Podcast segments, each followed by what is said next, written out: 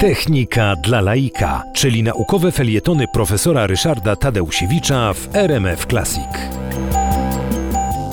Będziemy kontynuowali dzisiaj e, opowieści o pieczywie, które powstaje e, na wschodzie, ogólnie rzecz biorąc w Azji, ale już w tej części e, bliskiej Europie. Tam między innymi takim źródłem bardzo ciekawych chlebów jest Gruzja.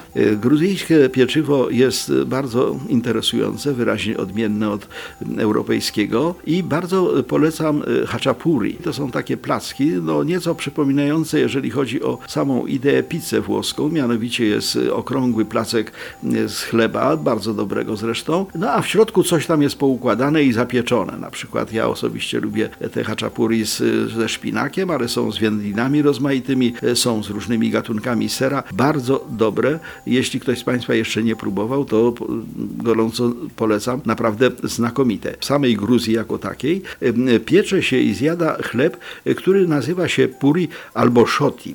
Jest on troszeczkę wypiekany na podobieństwo e, indyjskiego chleba, e, który, o którym wspominałem e, poprzednio w poprzednim spotkaniu, chleba nan. Jest również odmiana takiego pieca, na którego pionowych ścianach wypieka się ów gruziński chleb puri albo shoti.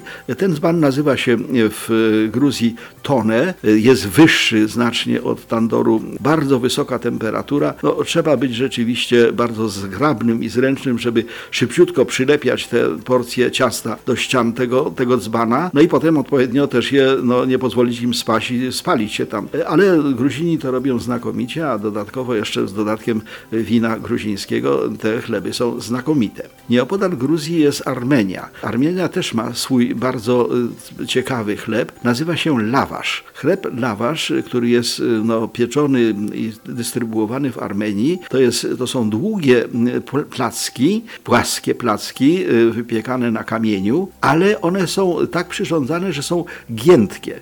Wobec tego te lawasze armeńskie można sobie kroić nam takie paseczki i zawijać w nie rozmaite rzeczy. Przepyszne kanapki, bardzo oryginalne w formie, można w ten sposób robić. No i zbliżając się już do Europy z powrotem, y, możemy powiedzieć, że już nie w Azji, ale w Afryce, na y, południowej flance, na południowym wybrzeżu Morza Śródziemnego, w Libii jest wyjątkowo ciekawy i niezwykły chleb, który nazywa się bazin. Ten chleb bazin wytwarza się z mąki jęczmiennej. Tą mąkę jęczmienną najpierw się tam e, w odpowiednich moździerzach tłucze, potem e, papkę z tej mąki gotuje się, potem ten, ten ugotowany e, miąższ jest ucierany, no i wreszcie z tej mąki, która powstaje, wypiekany jest chleb. Bardzo ciekawy, ale powiedziałbym tak, no nie jestem koniem, więc za jęczmieniem nie przepadam.